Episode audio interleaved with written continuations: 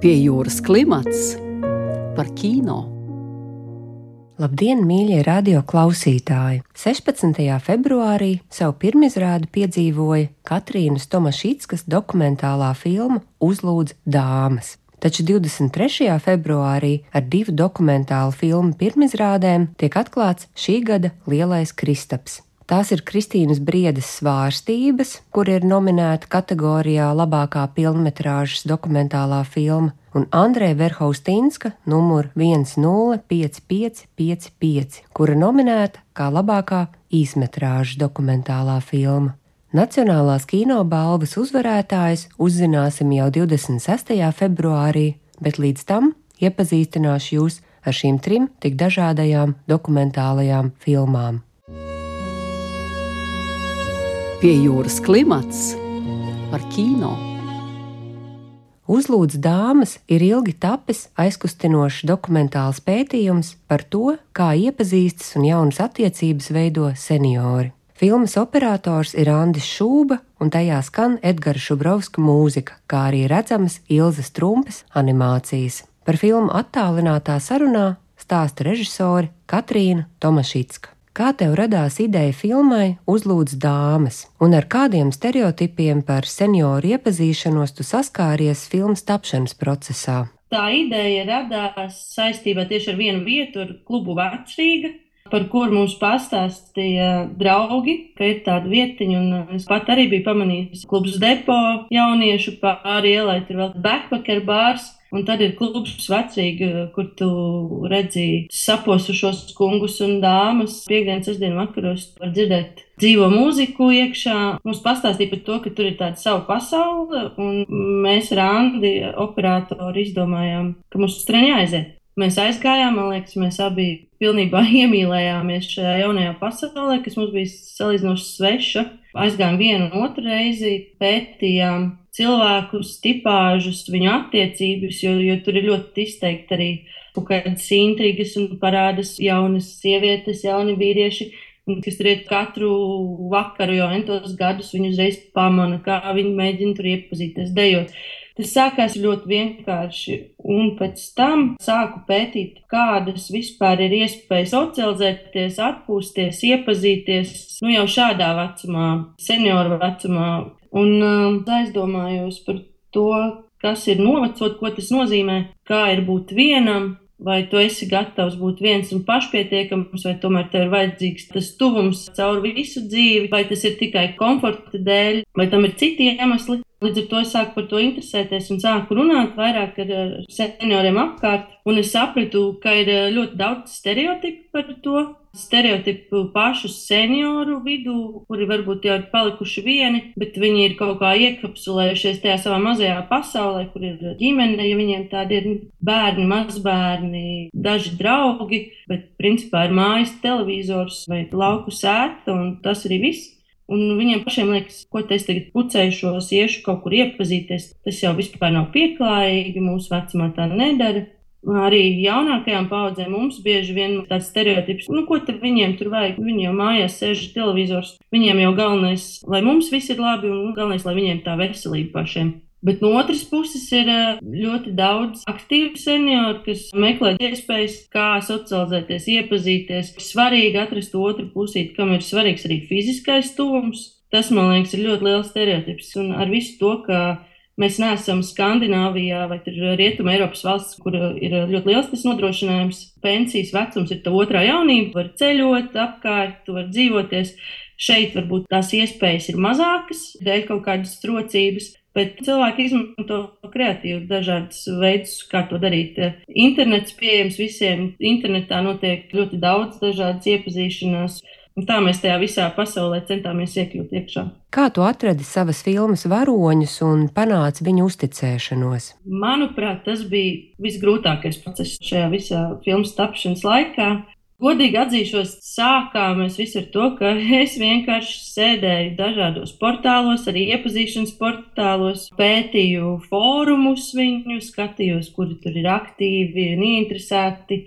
uzrunāju viņus, pavadīju kaut laiku runājot ar viņiem internetā, mēģinot izveidot labu komunikāciju un drošību par to, ka es necenšos viņus kaut kā apmānīt vai izspiest naudu. Tad es arī satikos ar vairākiem šādiem cilvēkiem. Tad tu saproti, vai cilvēks jutīsies labi, kameras priekšā viņš tam ir gatavs, vai viņš vispār saprot, ko tas nozīmē.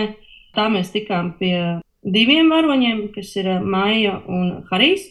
Trešā varonis par ainas iepazīšanas stāstu, manuprāt, tam vienkārši vajadzēja tā notikt, jo mēs arī gājām uz senioru federācijām un apvienībām, prasījām, lai iesaka mums kādu aktīvu cilvēku. Vienā no šādām apvienībām mēs ieraudzījām uz sienas roku rakstītu zīmīti, kur ir ļoti sirsnīgi mīļi uzrakstīts vecmāmiņa meklē savam mazdēlam sievu. Un varbūt kādai citai vecmāmiņai vai vectētiņam ir tikpat jauka mazmeitiņa, un ka varbūt varētu viņus savest kopā. Mūs tas uzrunāja ļoti. Tur bija norādīts telefona numurs, sazvanījām šo sievieti Ainu, iepazināmies, aizbraucām īstenībā pie viņas uzreiz ar kameru. Tā arī sākās mūsu kopējais piedzīvojums ar Ainu. Pie jūras klimats par kino.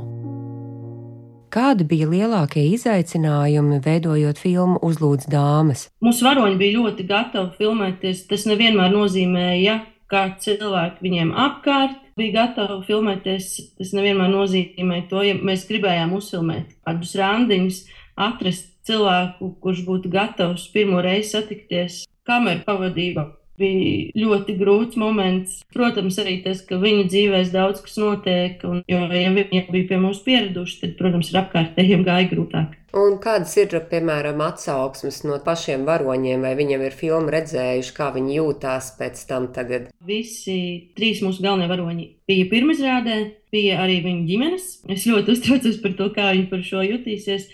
Viņi visi bija tiešām priecīgi un pēc tam vēl sūtīja mums ziņas, Un man liekas, tas jaukais no tā visa, ka viņi bija tādi cēlonlauži, un es ceru, ka caur viņiem mēs varēsim parādīt plašākai publikai šo tēmu un problēmu par kaut kādiem stereotipiem. Bet arī viņiem pašiem tas laikam noderēja, jo, piemēram, Maija, viņas dēls arī filmējās mūsu filmā, un viņiem tur arī dialogs par to, kā viņš to visu uztver. Pēc tam mēs sazinājāmies ar Maijas dēlu, un viņš teica, Baigi forši. Man ir ļoti daudz pārdomu pēc filmas, un uh, es ar savu māmu norunāju vairākas stundas. Mēs ļoti daudz ko izrunājām, ko varbūt mēs nesapratām, ka mums tas ir jāizrunā pirms tam. Vai filmas tapšanas procesā tev izveidojās tāds savs dokumentālista kods? Tā kā šī bija mana pirmā tāda lielāka filma, es ļoti daudz ko iemācījos. Bet uh, kas man ir ļoti svarīgi, protams, ka jebkurš dokumentālists, viņš tāpat brīdi un stundi savus varoņus, un ir ļoti grūti nošķirt to robežu, kas ir tā iejaukšanās stāstā. Bet, manuprāt, svarīgākais ir saglabāt pēc iespējas lielāku pietātu un cilvēcīgumu pret savu varoni, pat tad, ja tu viņu ieliec nērtā situācijā, lai pēc tam viņiem izskaidrot, varbūt, kāpēc to darīja, viņš to saprot. Jūs varat turpināt kopdarbu. Tas noteikti ir ļoti svarīgi man personīgi. Un ir ļoti svarīgi pavadīt laiku kopā ar saviem varoņiem, lai tas nekļūst par kaut kādu kariķējumu vai vienkārši tādu paviršu iedziļināšanos ir jāizprot, kas ir šie cilvēki, ar kuriem tu strādā.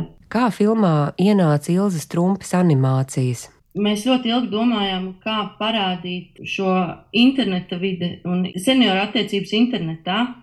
Tā ir ļoti liela sastāvdaļa viņa dzīves, un uh, viņi tur iepazīstās, pavadīja ļoti daudz laika. Un kā mūsu varona māja arī teica, spēlējas kā bērni, iemīlas, raksta viens otram dzēju dokumentāli tas varbūt nebūtu interesantākais materiāls, kā viņi sēž pie saviem eh, datoriem.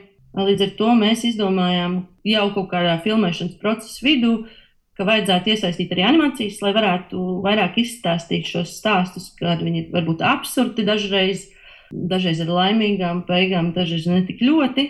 Līdz ar to mēs uzrunājām cilvēkus internetā, seniorus, lai viņi anonīmi padalās ar uh, kaut kādiem izgriezumiem no viņu dialogiem virtuālajā vidē. Un mums atsaucās vairāk cilvēki, kas visi bija pilnīgi anonīmi. Un, uh, no tiem mēs izvēlējāmies dažus īstāstīņus, kurus mēs arī animējām ar Ilzas palīdzību, un tādējādi varējām vairāk atklāt to maģiju, kas notiek internetā. Pie jūras klimats par kino.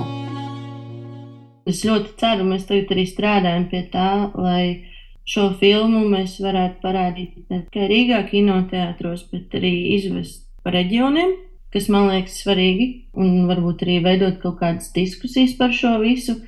Jo, ja godīgi, kaut kādā mirklī filmēšanas vidū, ja sākumā es sāku šo filmu filmēt, tāpēc, ka man tiešām likās, ka ir šie stereotipi par kaut kādu attiecību veidošanu vecumā, ka, ko mēs šeit runājam, viss notiek, un cilvēki nemet plinti krūmos un iet un mēģina vēlreiz un vēlreiz. Tad uh, tagad, beigās, jau kad parādījās kaut kādi pirmie sižeti medijos par to, ka būs filmas pirmizrāde un par ko ir šī filma, es nejauši palasīju dažus komentārus, kuru tantes raksta dusmīgi, ko tu nu meiteni zini par vecumu un vientulību, vai arī komentāri, ka kā vispār par to var runāt, tas taču nav pieklājīgi vecumā.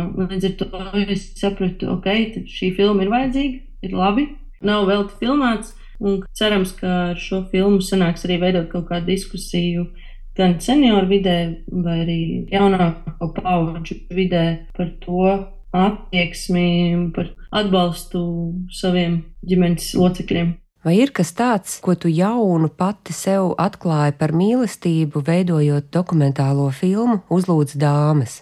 Man liekas, tas, ko es sapratu par mīlestību, man liekas, to, ka jebkurš no mums ir um, pelnījis mīlēt, būt mīlēts, ja tu esi labs cilvēks, tad tu esi pelnījis neatkarīgi no vecuma, ādas krāsas, orientācijas. Tā ir tava lieta, tev ir tiesības uz to. Tas ir viens Bet, eh, manuprāt, es vairāk iemācījos nevis par pašu mīlestību, bet par to, ka nav jābaidās no vientulības. Tas nav tik traki, un tas īstenībā viss ir atkarīgs no tevis, no tā, kas notiek tavā galvā. Un, nu, ja tu nebaidies mīlēt, nebūt vientošs, tad viss būs labi. Pie jūras klimats par kino. Andrē Verhaustīnska filmā numur 105555 aktieris lasa kādu ieslodzītā dienas grāmatu par 1944. gadā piedzīvoto salaspils nometnē, kamēr režisors fiksē to, kā dzīve rit apkārt memoriālam mūsdienās. Kristīnas Briedas filmas vārstības ir veltīta nozīmīgai tēmai - faktam, ka Latvija ir viena no retajām valstīm pasaulē, kuras oficiālā luteriskā baznīca ir aizliegusi sieviešu ordināciju. Režisors stāsta par trim sievietēm, Rudīti, Daci un Agritu, kuras nav ar mieru samierināties ar otršķirīgu lomu kalpošanā baznīcai. Par to, kā tapušas abas filmas, stāsta studijas viesi - režisora Andrēs Verhaustīnskis un Kristīna Briede. Kā šīs tēmas pie jums atnāca? Kristīna, es zinu, ka tu jau pirms tam esi šo tēmu pētījusi, bet kā jūs nonācāt līdz savām šīm dokumentālajām filmām? Dzīve mani saveda kopā. Es iepazinos ar sākumā vienu sievieti, teoloģi, Daci Balodi. Viņa strādā Latvijas universitātē, tur viņa ir profesore un teoloģijas fakultātes dekāne. Un es e, nezināju agrāk, ka viņai ir arī tādas intereses, ka viņa, var teikt, visu mūžu gribējas būt mācītāja. Es kā savukārt nesapratu, kāpēc to tā nevar. Viņi man izstāstīja to stāstu, kāds Latvijā ir tiem luterāņiem, ka kādreiz ir bijusi iespēja sievietēm, un pēc tam tā iespēja ir tikusi noņemta nost. Un tas ir tieši Latvijai tāds īpatnējs stāsts, jo ir pasaulē arī Lutheriskās baznīcas, kas nekad nav ordinējušas, kas ir tāds izteikti konservatīvs, kas nekad nav ordinējušas sievietes. Bet Latvijas tā īpatnība ir tā, ka Latvijā tas ir bijis agrāk, un pēc tam tas solīts paspērts atpakaļ tādā konservatīvā virzienā.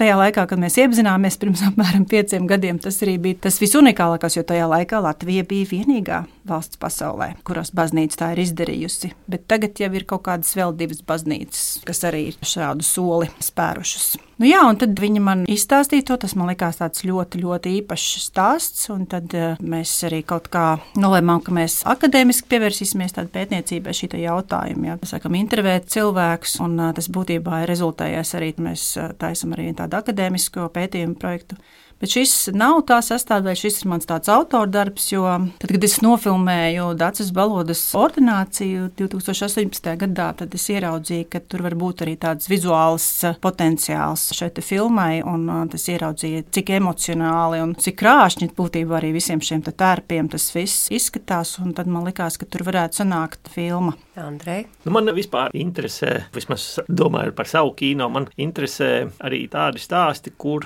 skaņa un bilde miedarbojas, bet ir kaut kādā pakārtotā saistībā. Un šis arī bija viens no tiem projektiem, kurus tā gribēju kaut ko šādā veidā izveidot. Un tad es sāku meklēt kaut kādu dienas grāmatu, kas mani emocionāli un personiski uzrunātu. Un tad es iepazinos ar Latvijas Universitātes literatūras, folkloras un mākslas institūta vadošo pētnieci Sanitu Reinsoni, kura vada autobiogrāfiju fotografiju krāju, un viņi vāc arī tā skaitā dienas grāmatas. Un uh, tad viņi arī piedāvāja man vairākus variantus, bet uh, šīs konkrētais ieslodzītā numur 105555 stāsts man likās tāds ļoti jaudīgs. Es sapratu, ka es aktiera lasītajām šīm dienas grāmatām tīri vizuāli klāju pa virsmu to, kas notiek šodien šajā memoriālā. Tā ir tāda zināmā mērā saspēle starp to laiku un šo laiku. Un tad, kad mēs sākām par to domāt, tad es biju domājis, ka tā būs vairāk tāda asociatīva saspēle diemžēl. Šodien mēs redzam, ka viņi ir ļoti, ļoti tieši. Kā ir veidot dokumentālu stāstu par varoni, kura vairs nav. Ne, nu, tur dienas grāmatā vispār neparādās, kas viņš ir, kā viņu sauc. Respektīvi, viņš vienkārši stāsta par šīm savām ikdienas gaitām. Piedāvā viņš to dara pilnīgi bez patos. Viņš runā par kaut kādām eksistenciālām lietām, bet ne eksaltētā veidā, bet tā ļoti ikdienišķi par tām mizerablajām pārtikas devām, par vienu paziņu no kaimiņa barakas, kurš pakārs par to, ka viņš bija runājis ar kādu, ka varbūt varētu bēgt, bet viņš netaisījās bēgt. Un kāds to nostučīja un attiecīgi viņu pakaru. Viņš par to visu tā ļoti bezskaislīgi pat runā runā, bet man liekas, tajā viņa attieksmē un tai detalizētajā stāstā arī ļoti atklāja šis skaudrais laiks, skaudrais stāsts. Pie jūras klimats par kino.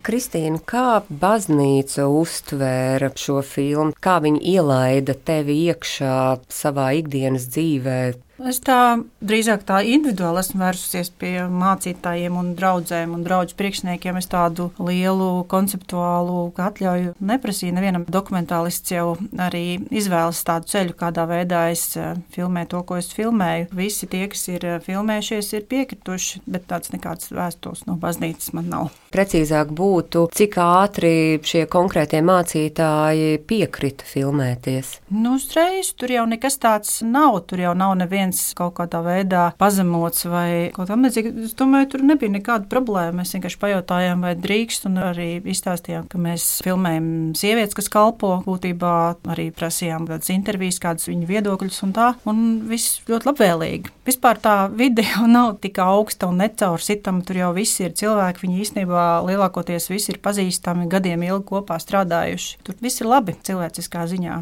Uzskati atšķirās zināmos jautājumos, un tā, bet cilvēki kopā strādājuši tiešām ilgus laikus. Kādas ir, jūsuprāt, svarīgākās dokumentālista īpašības, kas ir nepieciešams, lai varētu panākt šo uzticēšanos no saviem varoņiem? Noteikti īpaši, ja strādā ar dzīviem varoņiem, tad noteikti svarīga ir empātija, tāpat arī pacietība. Lielā mērā arī man šķiet, darba spējas ir vajadzīgas, jo tās ir daudzas, daudzas stundas, ne tikai ko tu pavadi ar to varoni, bet arī pēc tam šīs daudzskaitlīgās safilmētās stundas, kuras tu ej cauri atkal un atkal un atkal un montē un montē un pārmontē. Un dokumentālajā kino jau tas kino daudz lielākā mērā nekā spēles kino top montāžā. Nu, es varu papildināt, manuprāt, dokumentālistam ļoti svarīgi ir redzēt laukumu tur, tajā brīdī, kāds viņš ir. Var izdomāt iepriekš, kā es tur iešu, kā tur viss izskatīties, kā tur kritīs gaisma. Protams, ir arī tādas filmas, kas tādā veidā var tapt, bet, um, ja tu filmē notikumu, tad, eh, manuprāt, ir jābūt ļoti, ļoti koncentrētam uz to un jāmēģina saskatīt, kā kārtas izliekās, kā tas viss funkcionē. To es, starp citu, mācījos no sava kolēģa Audras Toņa, ar ko es kopā taisīju iepriekšējo filmu, ka tu nevari sagatavoties uz tādām lietām. Protams, ka tu zini apmēram, kas notiks, un tur kāds būs, un kaut kas notiks, bet tam ir jānotiek diezgan tā uzreiz un jābūt ļoti fleksiblam. Tas, man liekas, tāds ļoti svarīga lieta. Tad ir jābūt tieši tā, kā Andrejs arī teica, jāpavada pēc iespējas vairāk laika kopā kopā. Pēc iespējas vairāk laika arī bez filmēšanas, lai vispār saprastu, kā tas notiek. Un kā tas varonis domā, ko viņš dara. Tu vari kādreiz arī izraisīt kādu situāciju, zinot, ka tā ir īsta, ja vienkārši palīdzēt, jo nu, nevar jau visu laiku tur tupēt klāt ar kameru. Mums kādreiz vecie dokumentālisti, kas ir nu, dalījušies savā pieredzē, es atceros Seleckis un Freimanis, tā, ka vēl bija jauni, tad viņi aizbrauc un visu vasaru nodzīvo, teiksim, ar zvejniekiem. Nu, tas bija tie laiki, ja tur vismaz trīs mēnešus viņi dzīvo ar viņiem kopā. Nu, jūs saprotat, kāda tur var iznākt filma, kad viņi tur savrāļojušies tik tālu, ka tur jau pilnīgi nekādu robežu vairs nav. Nu, mūsdienās jau neviens nevar atļauties neko tādu. Tad tas nozīmē, ka tam dokumentālistam pašam ir jāiegulda savs laiks, kaut arī bez tās kameras. Viņš tomēr mums ir jābūt kopā, mums ir jāsajūt tas cilvēks un tā, un tādā jā, veidā jā. arī jāgūst viņa uzticība, kas ir vitāli svarīgi filmā. Jā. Kādreiz man bija zviedru draudzene, režisori, kas filmēja skolu, un tad viņi teica, ka viņi mēnesi ir filmējuši ar izslēgtām kamerām sākumā. Nu, un tad, kad viņi beidzot viņi ir ieslēguši, tad jau tur viss ļoti labi aizgāja. Pie jūras klimats par kino. Kā saglabāt šo objektivitāti, šī tuvība ar savu varoni? Kāda ir jūsu paņēmiena saglabāt šo dokumentālistu objektīvo skatījumu? Es personīgi, vismaz par sevi, es nedomāju, ka es vēstu kaut kādu objektīvu patiesību. Es stāstu savu stāstu par šo konkrēto varoni. Viņš ir subjektīvs. Tāpat kā tas varonis skatās uz pasauli subjektīvām acīm, un tas, ko viņš saka, nebūtu nenozīmē, ka tā tas precīzi arī notika. Varbūt. Tā ir viņa sajūta par pasauli, par to, ko viņš ir piedzīvojis, kam viņš gājis cauri. Un es arī stāstu savu stāstu, kuru es mēģinu caur viņa prizmu parādīt. Jāiegūst tā uzticība. Ja cilvēks atverās, tad tur mēģina arī to attēlot. Bet es arī piekrītu, ka tas, protams, ja tas cilvēks uzticās, viņš uzticās arī tam, ka tev būs tas savs skatījums, ka tu nevarēsi nu, izpildīt visus varoņu vēlmes. Tad jau mēs staigāt ar saķemētiem un safrizētiem varoņiem, kas skaisti runā no rīta līdz vakaram. Tam jau nav, nav nekādas jēgas. Kas ir, jūsuprāt, atbilstošāks dokumentāliem kino, vai tā ir tagadnes un pagātnes fiksēšana vai nākotnes veidošanas process? Priekš manis personīgi būtiskākais ir, ka dokumentālais kino liek domāt skatītājiem. Tas priekš manis paša personīgi ir vissvarīgāk. Viņš var domāt par pagātni, viņš var domāt par tagadni, viņš var domāt par nākotni. Bet tas ir process, kas izraisa domāšanu. Nu, man liekas, ka filmas ļoti dažādas. Protams, ka viņas visas fiksē laiku, gan spēļu filmas, gan dokumentālās, visos aspektos, gan to, kā cilvēki runā, kā viņi ģērbjās, kādas ir viņu tā brīža attiecības ar sabiedrību vai jebkurā gadījumā viedokļi un tā tālāk. Un tā jau ir vecā formula, ka dokumentālais kino, ne tikai dokumentālais, ir tāda laika fiksācija. Bet apzinoties to, protams, tas ir tāds ieguldījums nākotnē, jo tev ir mūžīgi uz ko atskatīties. Man pašai liekas fantastiski, ka te, tev vajag kādu arhīvu vai ko, tad tu aizies to arhīvu un kaut vai uzreiz apskaties Ivars Elēts arhīvu, kurš nofilmēs praktiski visu. Ja? Nu, un tad tev tur tad ir, un tad tu redzi. Un tas ir vienkārši tāds fantastisks ieguldījums. Tas ir tāda audiovizuālā vēsture tad visu kaut ko tu vari no tā, tā redzēt un secināt. Tā tāda laika fiksācija, piemēram, man šajā filmā, es domāju, ka šis ir viens interesants tāds vēstures posms, un tā nākotnē var pagriezties gan uz vienu, gan uz otru pusi, bet tas ir piefiksēts. Un man iepriekšējā filmā viens no tādiem pamatu uzdevumiem ir, es filmēju vecos dokumentālistus, no kuriem praktiski vēl tur tikai daži ir dzīvi. Tur es varu sev uzsist uz pleca, jo man liekas, ka es esmu kaut ko vismaz saglabājusi. Tā kā noteikti tas ir gan ieguldījums tādā nākotnē, gan arī tāda fiksācija. Bet, protams, ir arī tādas filmas, kas ir vizuālas, kas vienkārši brīnišķīgi arī tiek galā ar vizualitāti un neskatās tik daudz par kaut kādu, teiksim, stāstu vai kaut kādu fenomenu fiksāciju. Nu jā, bet man šķiet, arī, tā arī nav tavās filmās. Tikai kaut kāda situācijas vai laika fiksācija. Tā tomēr ir refleksija par to, un tur nāk kaut kāda papildus pievienotā vērtība noteikti. Jā. Interpretācija. Pie jūras klimats par kino par to jūs jau pieminējāt šo vizualitāti un arī poetisko slāni, kas nāk iekšā dokumentālajā kino. Kā jūsu darbos tas ir ienācis, vai tas ienāk nejauši, vai tas jau pirms tam ir kaut kā izdomāts? Nu, man tas ir pilnīgi organiski, jo es esmu tāda poetiskā kino cienītāja, un man ļoti patīk nevis izskaidrot kaut ko ar tekstu, bet arī ar vizuāliem, ar kadriem, ar metaforām, ar visādām tādām zīmēm. Tā kā es vienmēr filmēju kādu konkrētu notikumu, arī vienmēr skatos skatos apkārt, kas ir tāds, kas varētu tieši piedot to vizuālo zīmējumu klāt. Un tam ir ļoti liela nozīme. Un tad tur ir tie daudzi slāņi, ko dažādi skatītāji, dažādās valstīs, dažādās vecuma grupās viņi var nolasīt atšķirīgi. Un tas man liekas ļoti labi, ka vairāk cilvēki iznāk no vienas filmas, un katrs ir ieraudzījis vēl kaut ko citu. Tas man liekas ļoti jauki, ja tā ir tāda slāņu lasīšana.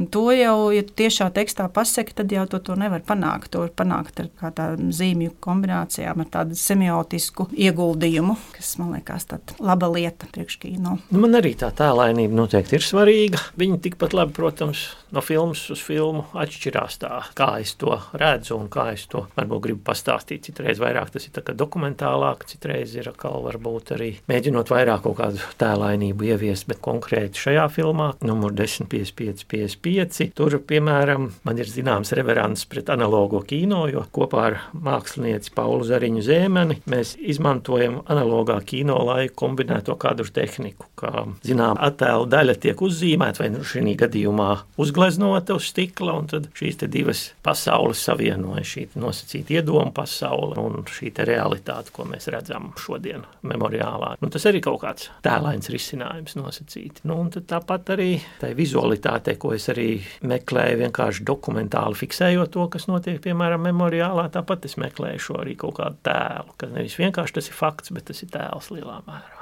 Jā, un viņš nedrīkst būt pievilkts aiz ausīm, nezinu, no kurienes izdomāts. Viņam, vismaz manā gadījumā, būtu organiski jābūt saistītam vai ar to tēmu, vai ar to vietu, vai ko. Viņam būtu, man liekas, jābūt tur atrodamam uz vietas, nevis pievilktam, nezinu, no kurienes klāt. Tas, man liekas, tāds, uz ko es tiecos. Krimas dārgumi. Tā nīderlandiešu filma, kur tajos nenormāli garlaicīgajos ofisos viss uzņemts. Nu, vienkārši fantastiski arī tā operators. Viss tur ir. Izrādās no tām oficiālām detaļām un kaut kādiem visiem tiem gleznu fragmentiem tur visu var salikt tādu, uzbūvēt to vizuālo. Vienkārši no tā, kas tur ir, tas ir tāda lieta, kas man ļoti patīk, ka tu vari ieraudzīt tās lietas, kuras runā ar to vizuālo. Jūsu filmas atklāja Lielo Kristapu šogad. Kāda, jūsuprāt, ir šīs Nacionālās kino balvas loma Latvijas kino nākamības veidošanā? Mēs te jau ar Andrēju pārunājām. Mēs esam, man liekas, piedevuši šeit Nacionāla kino balvai ar tām savām pirmizrādēm tādu tā kā festivālu noskaņu mazliet. Un, manuprāt, tas ir ļoti jauki izvērsies, ka tur ir tas produktīvais tāds un ar uz to nāk, un ka tās nav tikai tāda rezultātu apkopošana, bet tas ir tāds tāds solis uz priekšu, uz tādu jaunradi, kad ne tikai tos cēļus skaitīt, bet arī kaut ko uz priekšu radīt. Bet nu, noteikti ir nepieciešami šie kino svētki, lai nav tikai tiešām kaut kāda atskaita, nezinu, Excel tabulā, tik daudz filmas. Nu, un tad labākais ir tas, jā. Bet tiešām, ka ir šie kino svētki, es domāju, ka tie ir vajadzīgi ne tikai mums, tie ir vajadzīgi arī skatītājiem. Un patiesībā tas ir liels mārketinga ierocis, ar ko pievērst uzmanību kino. Pie jūras klimats par kino. Vai jūs esat pamanījuši kaut kādas, varbūt, jaunas tendences latviešu dokumentālajā kino? Ko tu uzskati par jaunu? Tas, ka tagad diezgan daudz ir, kur izmanto tos inscenētos, nu, tādas iesprūdus, īpaši nu, vēsturiskais, vai kur tas vairs jau nemaz tik jauns nav. Man ir tā, ka es neesmu redzējis pilnīgi visas filmas, man tā grūti noskanēt to visu. Bet, piemēram, ir visādi tādi arī tādas jaunas vizualitātes meklējumi. Man patika Signis Birkovs filma Uguns aplis, kur bija tādi greizīgi gabali, kur ir pilnīgi tāda atļaušanās un spēle ar tā saucamo tradicionāli nekvalitatīvo bildiem, kas ir tāds, manuprāt, jaunradīgs, atsvaidzinošs, teiksim, tāds gabals žanru robežu nojaukšana jau ir iesākusies kādu laiku atpakaļ, un tā, tā arī turpinās. Jā, tur sākot ar inscenējumiem un beidzot ar, kad tu jau dažkārt tiešām nesaproti, kāda žanra darbu tu skaties, vai arī dažkārt, nezinu, varbūt arī rādījā. Tad viņš vēlāk tiek ielikts šādā vai tādā rāmītī. Jā. Man patīk, ka ir kaut kāda jauna rada, ka mēs neiesēžamies kaut kādā vienā krēslā un tad arī visu mūžu viņā nosēžam. Jā.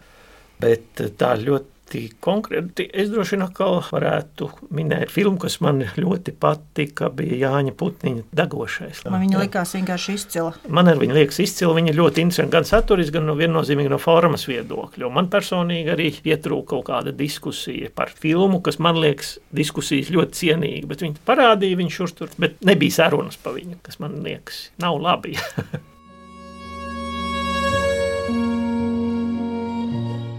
Paldies, ka klausījāties un tiekamies kinoteātros!